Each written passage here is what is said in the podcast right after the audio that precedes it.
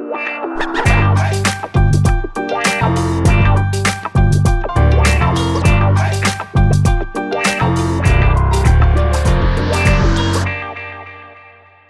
welkom bij een nieuwe aflevering van een podcast over voeding. In deze podcastserie gaan we in op de wetenschap achter voeding en laten we wetenschappers aan het woord over allerlei thema's die met voeding te maken hebben. Bart Mol van Foodie is er natuurlijk ook weer bij. Hoi Bart. Ja, zeker Arnoud. Uh, fris en fruitig. En uh, ik heb er zin in deze show, want die stond al een tijdje in de agenda en op de wishlist.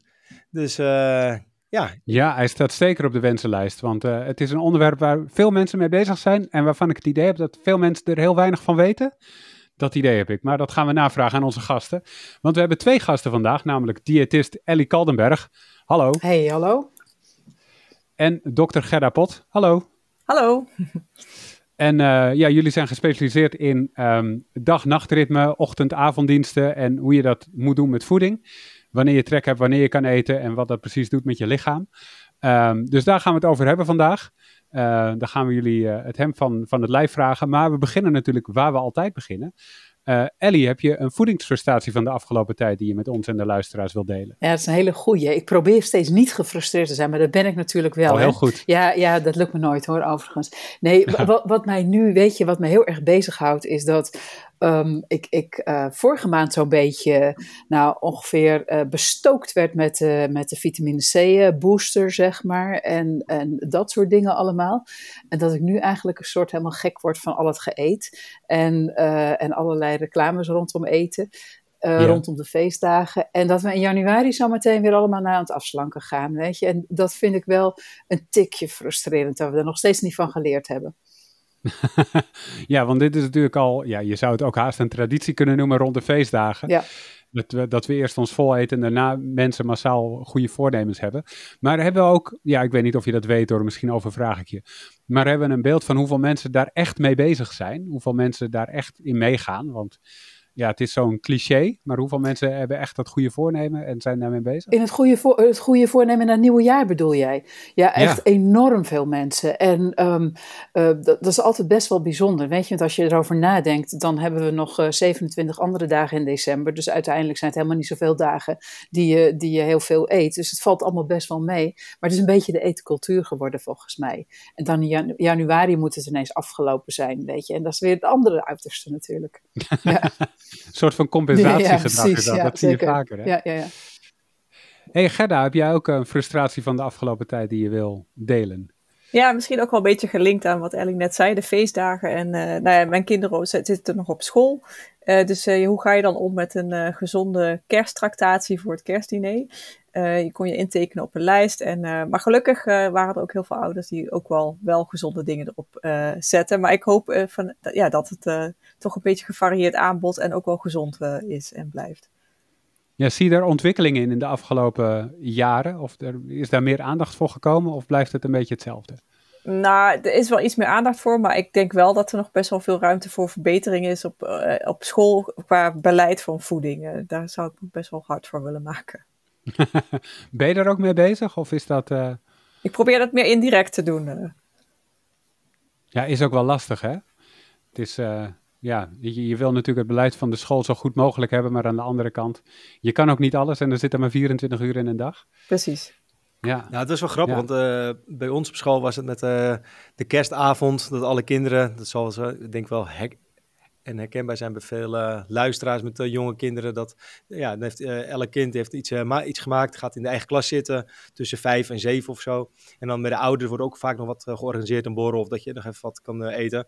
En bij ons werd die gesponsord door de la- lokale vlees, de, de, de lokale uh, slachter, zeg maar. Dus dat vond ik ook wel interessant. Ik was wel aan het zoeken, oké, okay, wat, wat, zijn de opties vandaag? En toen kwam ik uh, nou, uit op niks. Dus toen was het van, nou, of ja, toch maar iets kiezen wat, wat niet is, of ja, ja het was even een lastige keuze, maar ik vond het wel fascinerend. Maar sowieso leuk natuurlijk dat die ouders wat organiseren, ook voor de ouders, met zo'n oude commissie. Maar het is ook weer het linkje dat ik denk van, oh ja, volgend jaar ga ik me ook gewoon aanmelden. en dan kan ik misschien op die manier een kleine stapjes ja. doen om, het, om wat suggesties, te, ja, suggesties te geven tot wat vegetarische opties. Wat ik wel heel positief vond bij ons op school is dat ze het uh, beleid voor ouders ook hebben aangepast. Dus uh, dat voor de borrel, dat het gewoon non-alcoholisch is, dat we ook een mooi voorbeeld geven aan de kinderen hoe het ook kan. Ja. Oh, dat is wel nice. Zeker ja. met uh, non-alcohol uh, gluwijn en dat soort dingen inderdaad. In plaats van de standaard uh, alcohol die je naar binnen gaat. Ja, en dan gaan de ouders ook weer nuchter met de kinderen naar huis. Dat is ook altijd fijn. Dat is ook wel goed, ja. ja. hey, en dan komen we bij ons hoofdonderwerp van vandaag aan. Um, het is het dag-nachtritme en hoe dat dan werkt met eten. Um, Ellie, laten we even beginnen met gewoon een hele logische vraag. Maar hoeveel mensen werken onregelmatig? Ja, dat is echt ongelooflijk veel. Als, als we kijken naar werkend Nederland, zeg maar, dan uh, zijn ongeveer 1,2 miljoen mensen die nachtdiensten draaien. En je draait niet voortdurend nachtdiensten, hè? want je hebt uh, ook een vroege en een late dienst, zeg maar. Maar ook die verstoren je biologische ritme. Uh, maar daarnaast is er nog een hele grote groep. En inmiddels komen we wel bijna meer dan de helft van werkend Nederland. Werkt al niet meer regelmatig. Dus gewoon in kantooruren. Dus die onregelmatigheid zie je best wel heel erg toenemen. Maar met name die nachtdiensten zijn, uh, zijn best wel lastig. Ja. Ja, want in wat voor sectoren zijn die nachtdiensten vooral? Ja, heel veel. Hè. Um, het is in zorg natuurlijk. Nou ja, dat, dat, is ook maar heel fijn natuurlijk. Maar, maar veiligheidsdiensten, uh, maar ook wordt er uh, s'nachts langs de weg uh, gras gemaaid, bij wijze van spreken. in industrie natuurlijk draaien ze nachtdiensten. Bakkers draaien nachtdiensten. Weet je, het is echt wel, wel heel erg breed. Er zijn heel veel mensen. En ja, let wel, alle pakketjes hè, die we bestellen, s'avonds laat bestellen, die de volgende dag Oh, ja. bij je bezorgd worden. En um, wat we ook vanzelfsprekend vinden, maar ja, je moet wel eigenlijk wel denken, is dit wel zo vanzelfsprekend en moeten we daar allemaal wel heen? Ja, Ja. want het is, is, is dat, is het, het- hoe noem je dat? Is het heel erg voor een lijf om onregelmatig te werken? Is dat, Ja, ja, eigenlijk wel. Weet je, het is, eh, het is, wij vinden het vanzelfsprekend dat dat, dat, dat dat zo gebeurt, maar voor je lijf is het helemaal niet vanzelfsprekend. Weet je, wij zijn als mensen gewoon echt serieus dagdieren. We, we, we zijn niet gemaakt om, om s'nachts wakker te zijn. We zijn gemaakt om s'nachts te slapen. En alle processen in ons lichaam werken daaromheen. Weet je, dus als je de boel omdraait, dus als je dan s'nachts wakker bent en overdag probeert te slapen, draait jouw lichaam niet automatisch om. En heel veel mensen denken dat wel hoor, van ja, maar ik ben toch wakker, s'nachts ben ik net zo alert. Nee, ben je helemaal niet. Je spijsvertering werkt anders. Weet je, dus het, het is best wel een aanslag op je lijf. En bestaat ook zoiets als een biologische klok? Is dat ook, is dat, is dat ook echt een bestaand eh, eh, fenomeen? Of is het meer in de wandelgangen dat je zegt van... je hebt een biologische klok met je lichaam die zelf bepaalt wanneer die wakker of wanneer die moe is? Nee, je, je hebt wel zeker een biologische klok. En die biologische klok heeft dus niks met de eierstokken of zo te maken. Die biologische klok bedoel ik niet. Maar het is de biologische klok in je hersenen. En die biologische klok eh, is eigenlijk jouw interne klok. Die vertelt jouw lijf hoe laat het is. En wat wel leuk is om te vertellen, denk ik, is dat die biologische klok, onze eigen biologische klok, niet helemaal gelijk, niet helemaal synchroon loopt met de klok aan de muur. Ja, dus het betekent inderdaad dat onze biologische klok, die, die moet altijd een klein beetje gereset worden elke dag. Ehm, want we, ja, we lopen iets, eh ons lo- loopt iets trager. We lopen op 24 uur en een beetje, en dat, dat verschilt ook per persoon nog wel weer.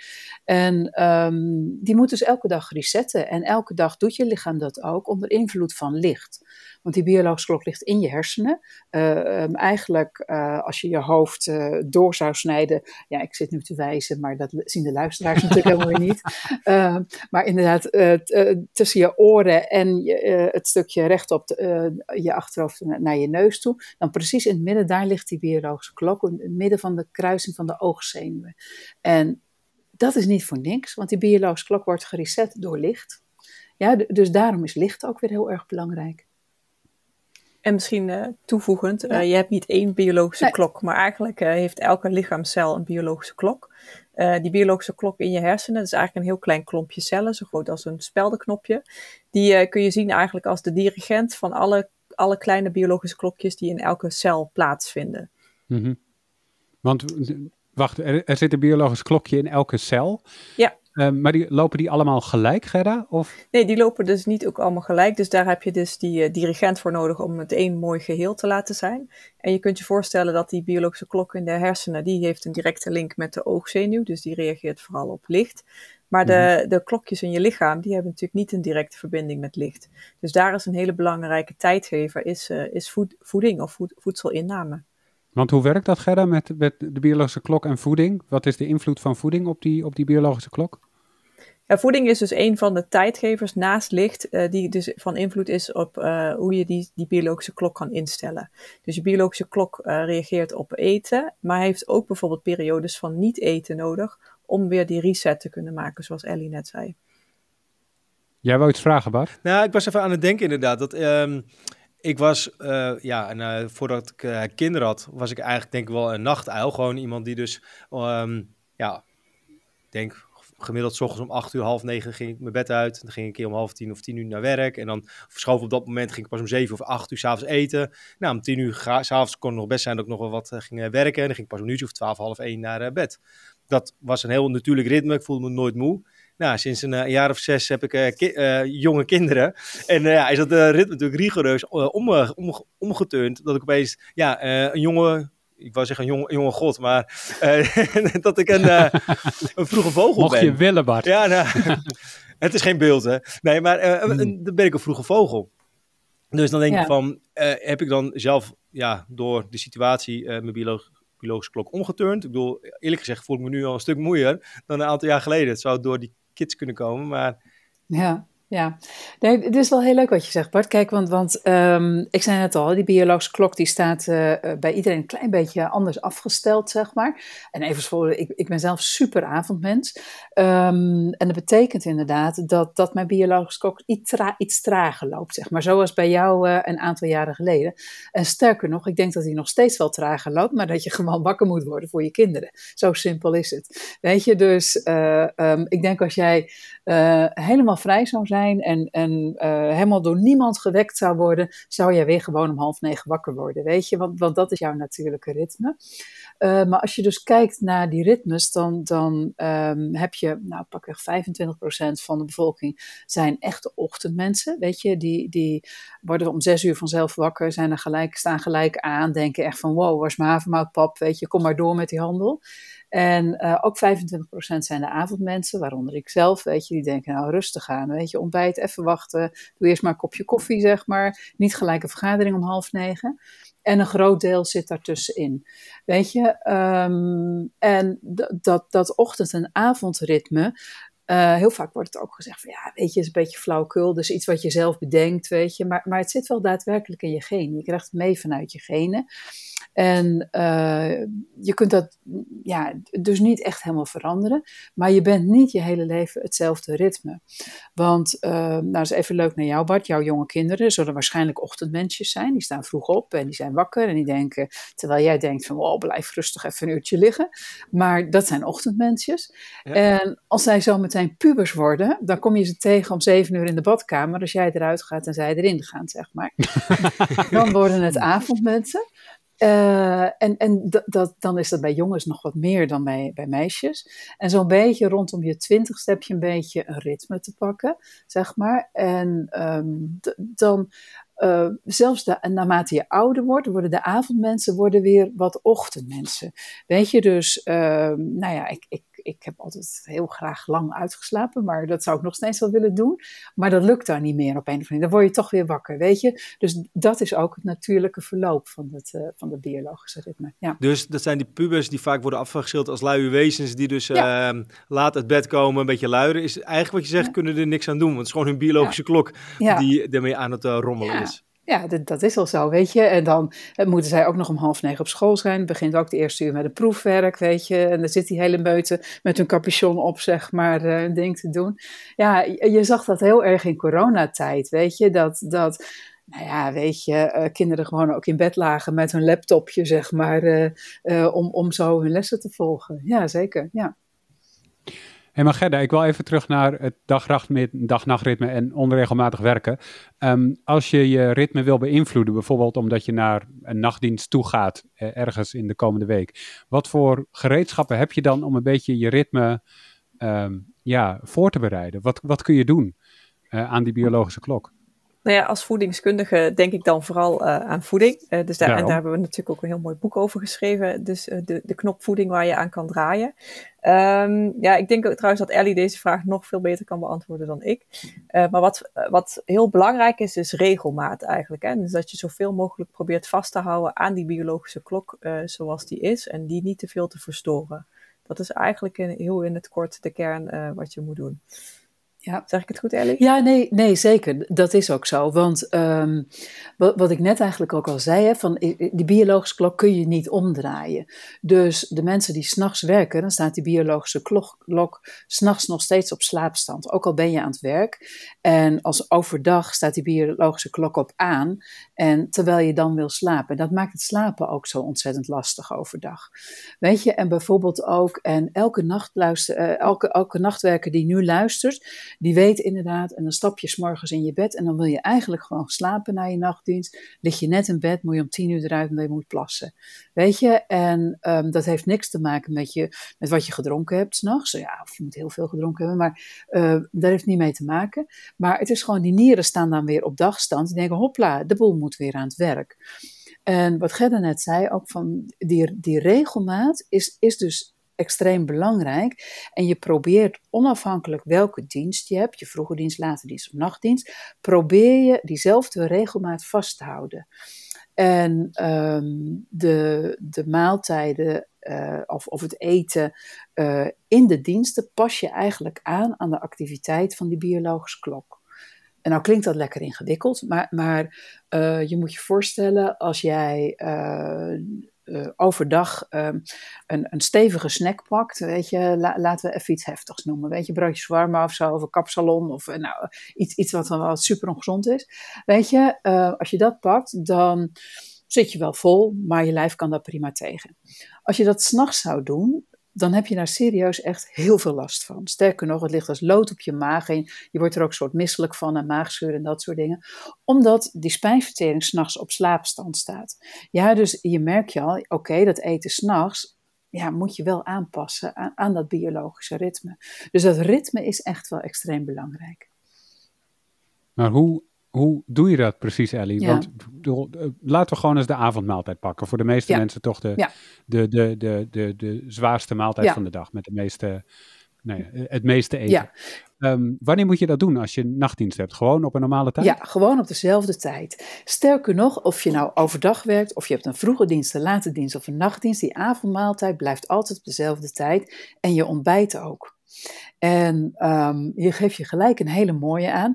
Iemand die nachtdienst heeft, die roept heel vaak van ja, maar als ik dan smiddags uit bed kom, is mijn avondmaaltijd dus mijn ontbijt. Nee, dat is niet zo. Voor jouw lijf, die weet niet of jij geslapen hebt of aan het werk bent geweest, blijft het gewoon de avondmaaltijd. Ja, dus oh, ook wow. al zou je net uit bed komen, zeg maar, heb je heel lang geslapen overdag, is super goed gegaan, en je komt uit bed, dan kun je zo hopla aan die spaghetti bolognese met uh, drie dubbele laag knoflook erin, kun je gewoon handelen, terwijl je dat nooit als ontbijt zou pakken. Snap je? Ja. Dus die avondmaaltijd blijft gelijk. Um, en als je dan verder kijkt, inderdaad, dan ga je of een late dienst in of een nachtdienst. Dus, dus je bent dan veel langer bezig uiteindelijk. Um, dan kun je voorstellen dat je zo aan het eind van de avond misschien wel even iets moet eten. Weet je, dan, dan is het al vier, vijf uur geleden dat je, dat je wat gegeten hebt. Nou, en op dat moment is je maag-darmkanaal dus stevig vertraagd. Dus dan ga je kijken, oké, uh, eet iets lichts. Weet je, en iets lichts kan, kan inderdaad uh, een kwark zijn, kan, kan een boterham, kan een cracker zijn. Weet je, maar uh, niet iets heel zwaars, want dan ga je je lijf wel extra belasten. Dan ga je als het ware die biologische klokjes in je darmen al een prikkel geven die je eigenlijk helemaal niet wil hebben. Snap je? Maar zou dat dan ook uh, betekenen dat als je de nacht iets ingaat en dat je ja? om nou, natuurlijk gezien word je misschien een minuutje of 11, 12 word je moe. Dat je denkt, nou, ik uh, ben moe, ik wil eigenlijk slapen, maar je moet mm -hmm. wakker blijven, want je bent aan het werk. Dat mensen mm -hmm. dan juist uh, koffie gaan drinken, veel cafeïne binnenkrijgen of ja. allerlei suikerdranken met cafeïne erin. Ja. Dat ze denken, nou, dan kan ik even de nacht door. Dat ja. klinkt dus niet als een uh, verstandige keuze op dat nee. moment, omdat je lichaam eigenlijk in een andere ja, ja, klopt. Klopt, klopt, klopt, klopt. Kijk, dus je moet niet alleen naar voeding kijken. Als je dus de nachtdienst ingaat, dan is het ook al slim om even iets voor te slapen. Weet je? Om alvast even een paar uur te pakken, of in ieder geval anderhalf uur te pakken, zodat je al iets minder moe bent om die nachtdienst in te gaan. Nou, en inderdaad, uh, wat jij zegt, Bart, die, die cafeïne. Cafeïne is, is natuurlijk wel een heel mooi stofje, laten we wel wezen. Weet je? Het maakt je serieus ja. alerter. Ehm, maar het blijft ook lang in je bloed zitten. En eigenlijk moet je voorstellen dat, dat, dat die cafeïne onderdrukt je slaap. Dus je, je wordt ook daadwerkelijk minder vermoeid. Alleen, uh, het blijft wel vier, vijf uur in je bloed zitten. Dus als, jij dan, als je dat halverwege de nacht nog steeds doet en je wil s'morgens gaan slapen, ja, kun je je voorstellen dat je slechter slaapt. Ja, zo simpel is het ook nog eens een keer. Maar je zou het wel, dus je, kan dan wel... je zou het wel kunnen doen als het als 12 uur s avonds is. Dat je wel zegt, nou, je, dan is dat nog midden in mijn shift van mijn nachtwerk. Ja. Dan is al, ja, die cafeïne zal wel uitgewerkt zijn rond een uurtje, ja. 5, 6 uur. Dan zou het wel te adviseren zijn.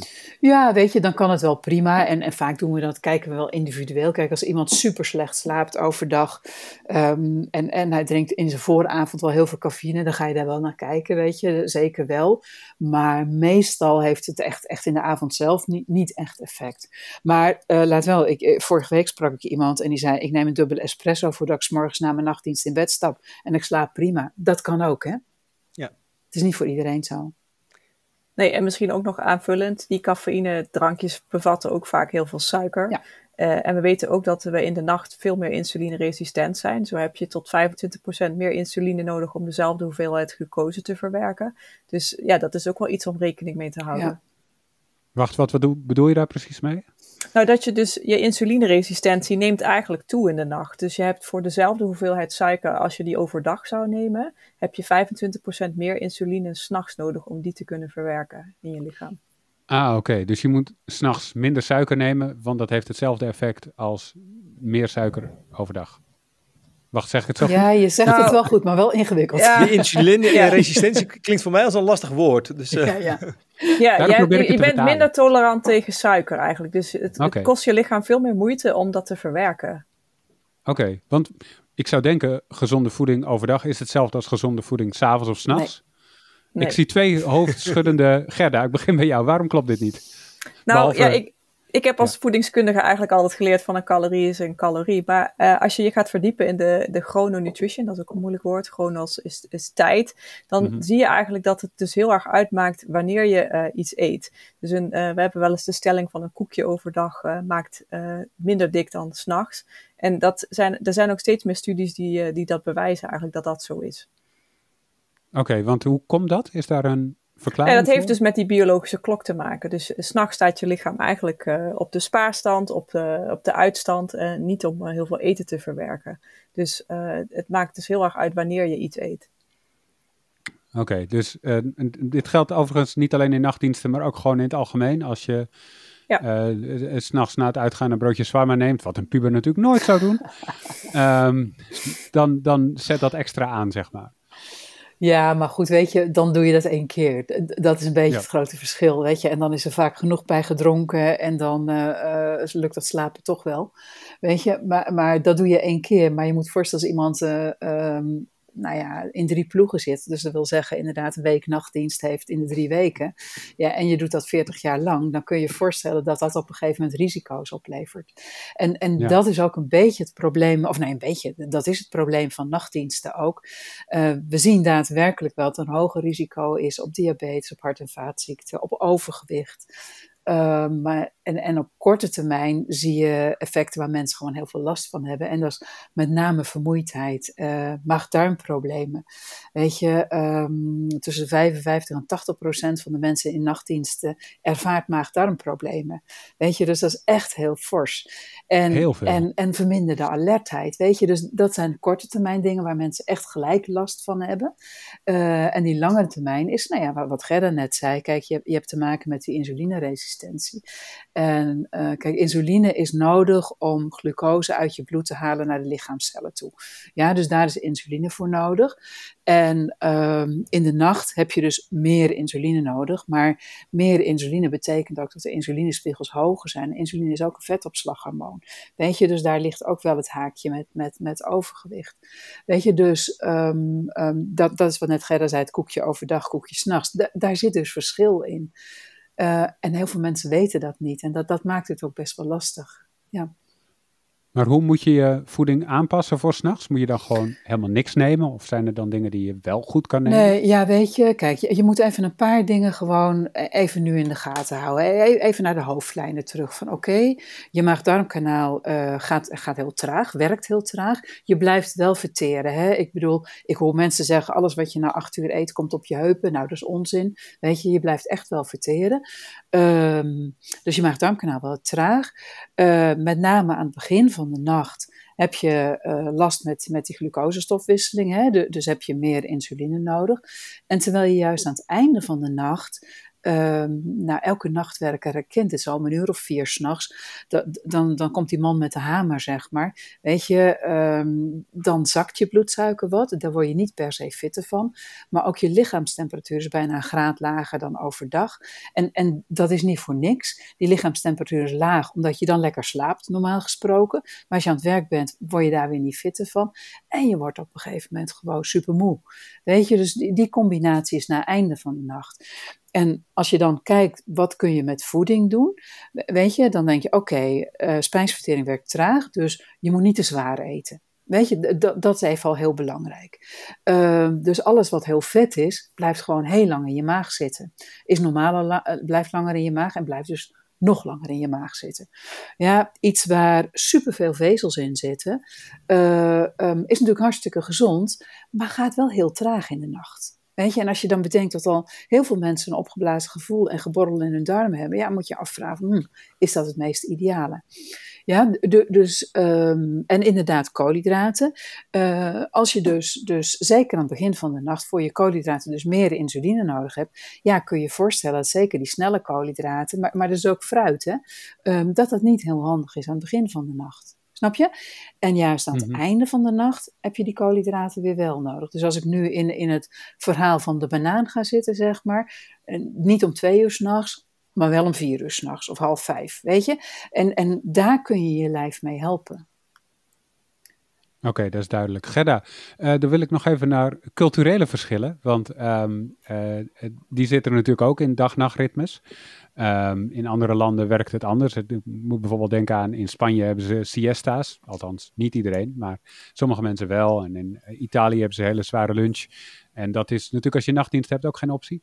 Um, hoe, ja, hoe, hoe, moet je daarmee omgaan? Is daar, zijn daar nog verschillen in hoe je daar mee omgaat?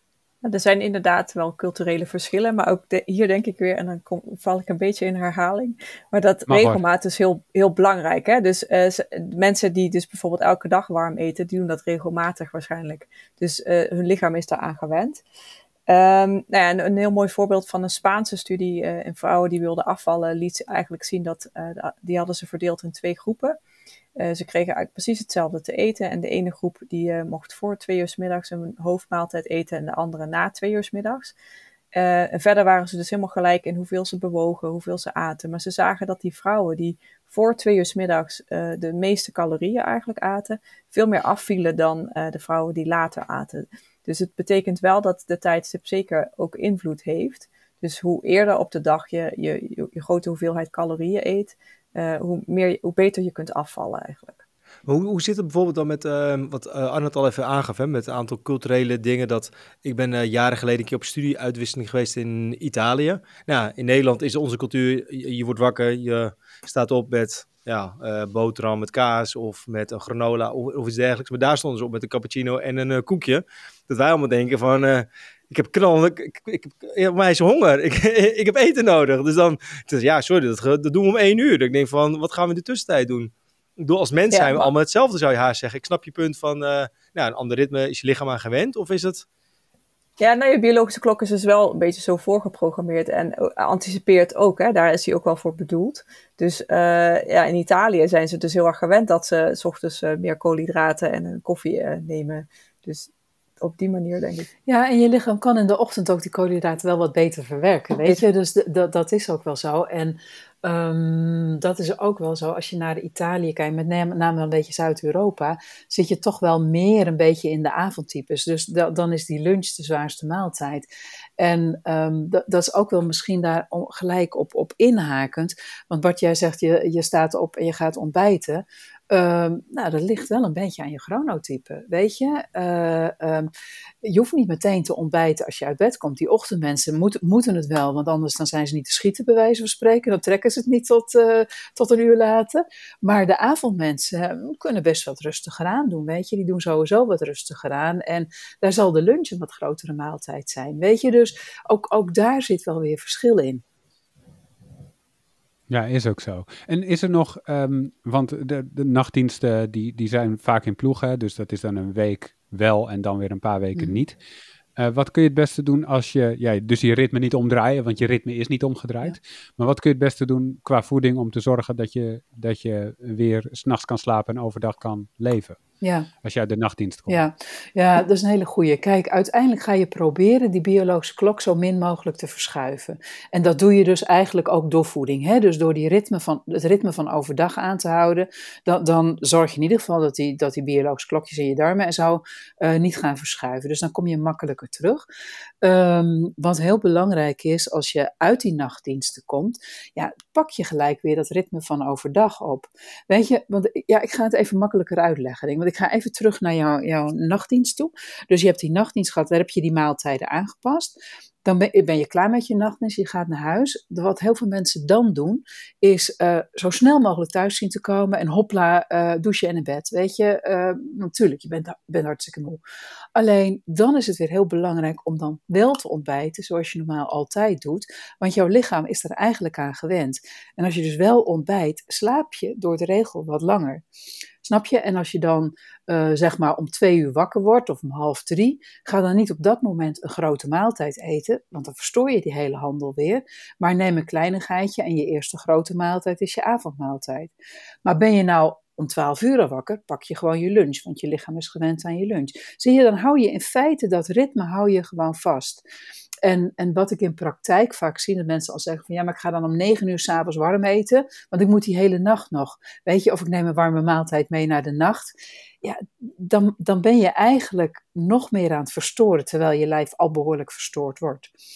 Mhm. En als je dus uit die nachtdiensten komt, dan heb je nog steeds je ritme vast. Dus je hebt, je hebt je laatste nachtdienst gedaan, je hebt je ontbijt, je gaat een paar uur slapen, je komt er weer uit en je zit weer in je, in je normale ritme. Ja, ik zeg het nu iets makkelijker dan het daadwerkelijk is, maar dan zit je wel weer in je ritme. Ja.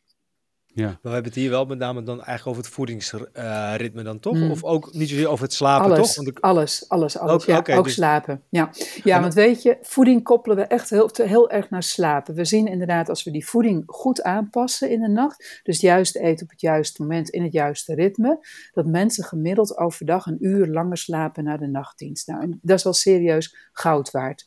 En dan hebben we het niet per se over gezonde voeding, want dat maakt het ook nog een beetje ingewikkeld. Kijk, want over, wat overdag gezond is, hoeft dus s'nachts niet zo gezond te zijn. Die banaan is niet zo handig om twee uur s'nachts en wel hartstikke gezond. Dat bord bruine bonensoep, ja, s'nachts, ik mag hopen dat er ergens een raampje open kan, maar daar wordt je lijf niet per se heel blij van.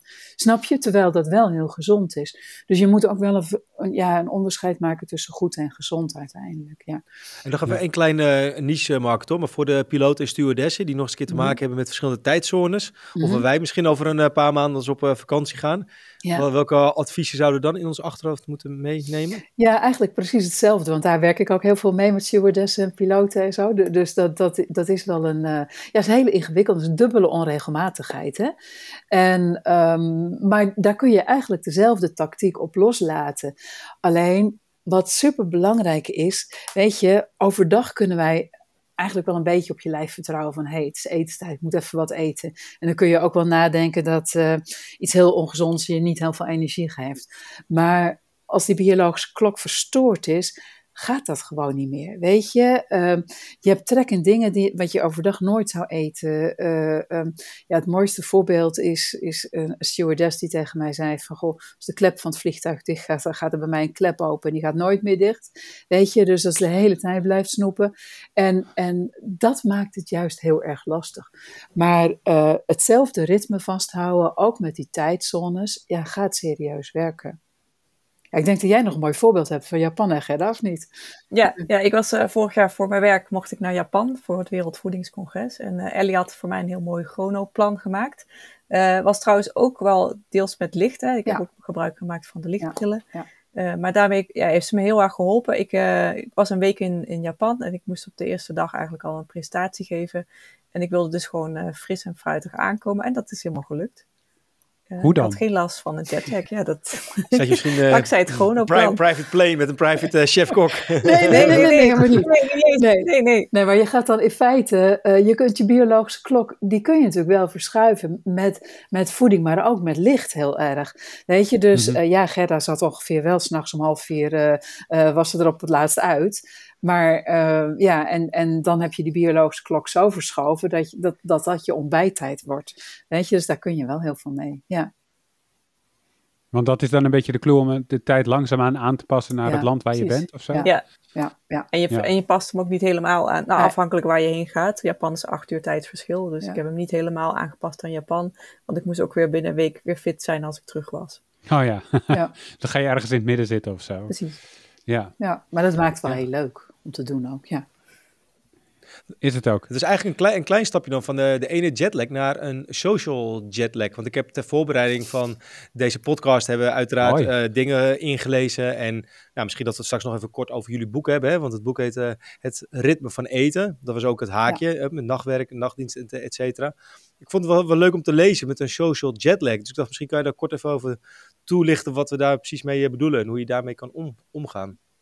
Ja. Doe jij het geen over? Ik, ik, ik zit even te Ja. kijken nu. Maar Ja, nee, de sociale jetlag. Nou ja, Ellie heeft al verteld hoeveel mensen onregelmatig werken. Maar eigenlijk zijn er nog veel meer mensen die onregelmatig leven. En eigenlijk kan je het bijna kort samenvatten dat iedereen die een wekker nodig heeft om wakker te worden, wel last heeft van een social jetlag.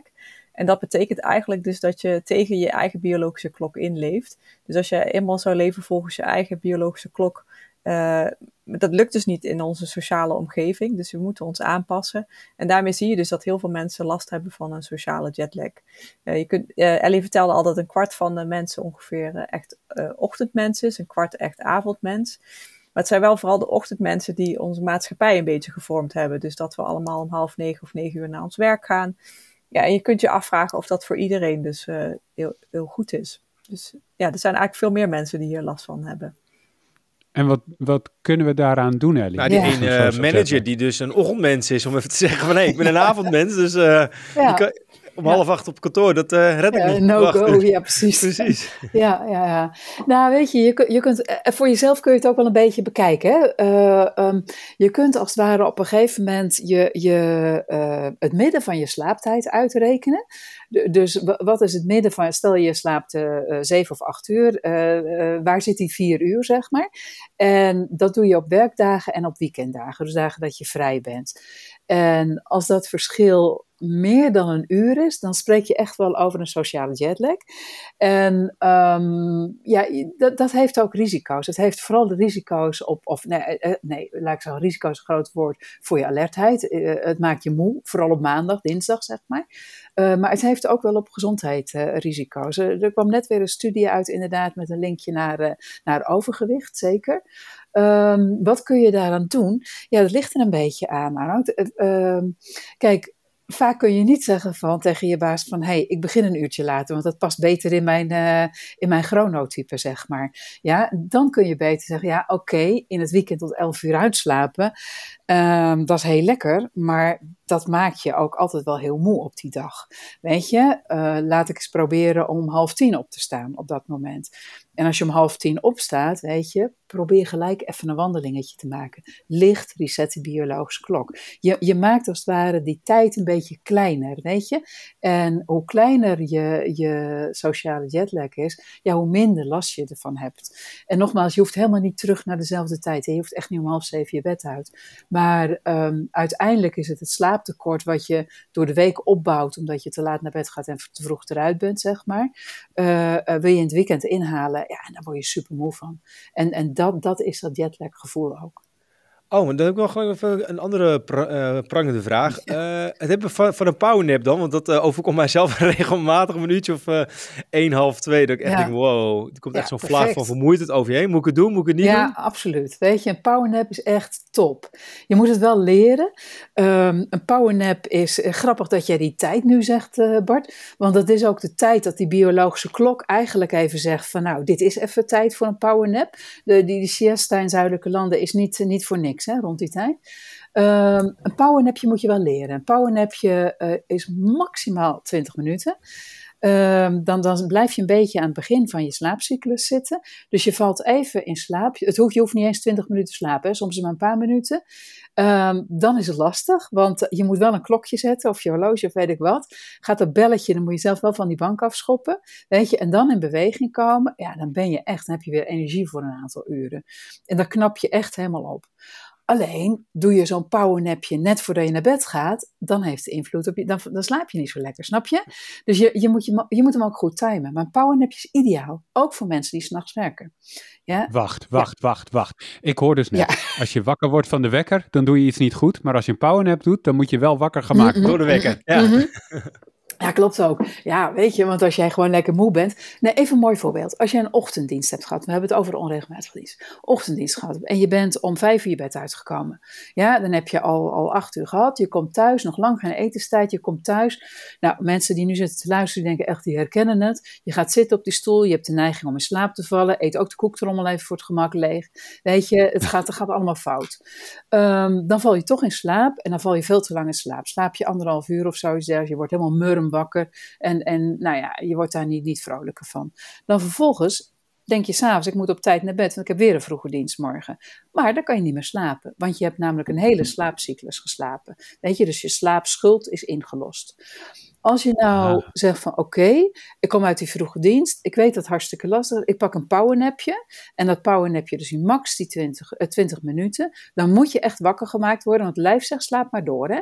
Dus dan moet je wakker gemaakt worden. Dan merk je ook gelijk dat die snoepzin ook weg is en dat je gewoon energie hebt en dat je s'avonds gewoon kunt slapen.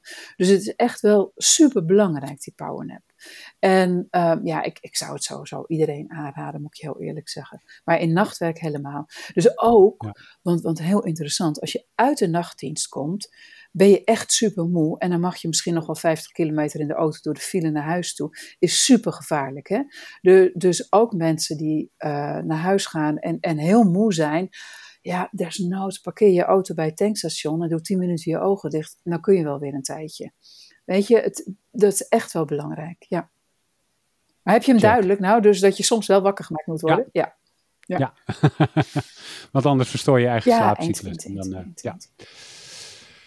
Uh, ik denk dat het tijd wordt voor praktische tips, Bart. Of uh, heb ik nog uh, nou, ik had eigenlijk nog één laatste vraag. Die had ik uit het boek ook dat gehaald. En volgens mij is die vraag denk ik voor Gerda. Want um, ik las dat om vier uur s middags, dat je dan ja, de beste coördinatie hebt. En om half vier heb je de snelste uh, reactietijd. Dus ik dacht, ja, is het, geldt dat voor iedereen? Want ik zou zeggen, iedereen is uniek. Dat, ja, misschien persoonlijk denk ik altijd dat ik tussen 9 en 12 het meest scherp ben. Dus dan doe ik dan bepaalde werkzaamheden. En dan tussen 1 en 3 voel ik altijd minder energie. Dan ga ik juist hard lopen of gewoon niet dingen waar ik veel bij na moet denken. Of Zit daar een bepaalde logica in voor wat iedereen geldt? Of is het toch wel voor iedereen dat het net anders is? Uh, dit is wel bij benadering, hè? dus uh, dit is wel natuurlijk individueel verschillend. Maar we weten bijvoorbeeld van sporters, uh, als die een topprestatie willen neerzetten, dat dat eigenlijk ja, in de middag wel de beste tijd is.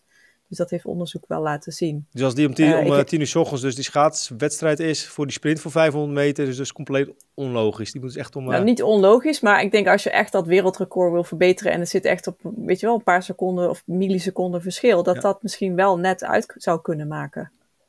En dan kun je wel weer spelen met de biologische klok, hè? Die kun je een beetje draaien. Tip. Zodat je lichaam denkt ja. dat het smiddags is, ja. terwijl het ochtends is. Zeker. Dus als jij een wereldrecord wil halen, Bart, dan uh, moet je je bioritme wat uh, nee, maar, nog even studeren, ja. Maar, maar, wat jij zegt klopt helemaal hè, in dit hele verhaal. Want jij zegt van het, het meest alert ben ik in de ochtend. Nou, dat zijn mensen ook door de regel. Er is natuurlijk verschil tussen, tussen ochtend- en avondmensen. Ik bedoel, er, er zal een paar uur verschil zitten. En inderdaad, in de middag, ja, ik bedoel, jou, als jij vaak hardloopt, is jouw rondje hardlopen niet een hele intensieve inspanning voor je lijf. Weet je, als je een flinke interval wil doen, dan merk je dat misschien wat later op de middag net wat beter gaat. Nou, ik zal er wel beter op, uh, op uh, letten. En uiteraard ook, ook met voeding. Dat je niet net na een stevig ontbijt gaat hardlopen. Dat is soms ook niet zo'n effect op je darmen. Dat is wat anders, hè? Ja, precies. Ja, ja. Staat in een ander boek. Ja, ja nee. Maar dus ook voor, voor sporters is het ook steeds, wordt het een steeds belangrijker onderwerp. Ik denk dat Ellie daar ook... Ja, ja ik mag daar niet veel over zeggen. Maar dat is inderdaad... ja, we, we, hebben hele leuke teams begeleid daarin. Ja, zeker. We willen even een scoop hebben, Ellie. Ik nee, wil, nee, je, nee, nee, je kan het niet zeggen een bepaalde voetbalclub nee. die ergens in Nederland speelt, die heel slecht speelt. Of dat soort nee, dingen. Nee, het, het, is, het was ook niet in Nederland, maar wel heel cool om te doen. Ja. Ja. Oké, okay. generieke conclusie, leuke topic, iets te zeggen? Nee, mag niet? Mogen we er niks uitpulken? Nee, ik, ik hou gewoon mijn mond nu, hè? ja. maar generiek denk ik wel dat gewoon, gewoon de nutrition of de tijdstip van eten uitmaakt. Ja, dat, is ja, dat maakt uit. Ja, absoluut. Ja, ja, ja zeker. Ja, want dat, dat, dat is dan de vraag. Heb je verschil gemaakt? Ja, absoluut. absoluut, absoluut. Ja. Ja, Kijk, ja. Zijn ze kampioen geworden toevallig met iets? Of? Uh, jij blijft doorgaan, hè Bart? Net niet. Nou, en nou stop ik. ja. Ze hebben jou net te laten ingeschakeld. Nee. Dan uh, wil ik wel gelijk vragen naar de praktische tips voor onze luisteraars. Um, uh, Gerda, mag ik bij jou beginnen? Ja, uh, heel belangrijk is denk ik dat je vooral kijkt naar wat is jouw uh, persoonlijke ritme. Dus probeer dat te ontdekken bij jezelf. Uh, iedereen is uniek. Uh, dus we, ja, iedereen heeft een ander ritme, maar probeer echt te, te luisteren naar wat jouw ritme is. Uh, en aanvullend denk ik, ja, eet zo regelmatig mogelijk. Uh, hou, probeer zo lief mogelijk te zijn voor die biologische klok van jou. hou je vast aan de hoofdmaaltijden die er zijn. En eet zo min mogelijk tussendoortjes, want die kunnen dus ook die biologische klok verstoren. Yes, duidelijk.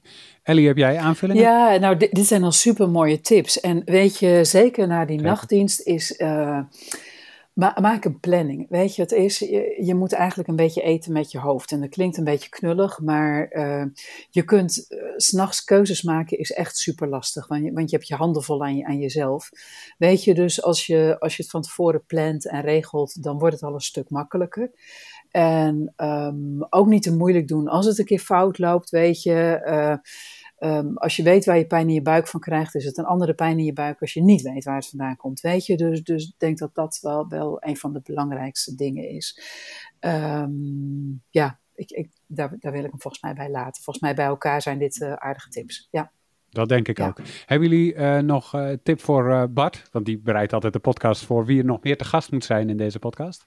Ja, nou weet, weet je, um, ik ben de laatste tijd heel erg bezig met een specifieke groep binnen de onregelmatigheid. En dat zijn vrouwen in de overgang, waarbij het eigenlijk nog wel lastiger is. En um, ik moet zeggen, ik, ik werd heel erg getriggerd door, door iets van Manon Kerkhoff.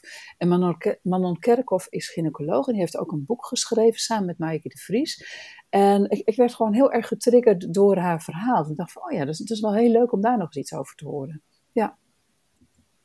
En waar gaat het over? Dat gaat dus over vrouwen in de overgang en ritmes? Nee, het gaat of? niet per se over ritmes, maar wel vrouwen in de overgang. En, en um, welke factoren er allemaal bij kunnen, wat, wat leefstijl daar ook bij doet. Weet je, en dat, ah. dat is wel heel mooi. En niet specifiek op dit onderwerp, hè? Hey, maar daar kom ik uh, volgend jaar weer een keer terug bij jullie over dit onderwerp.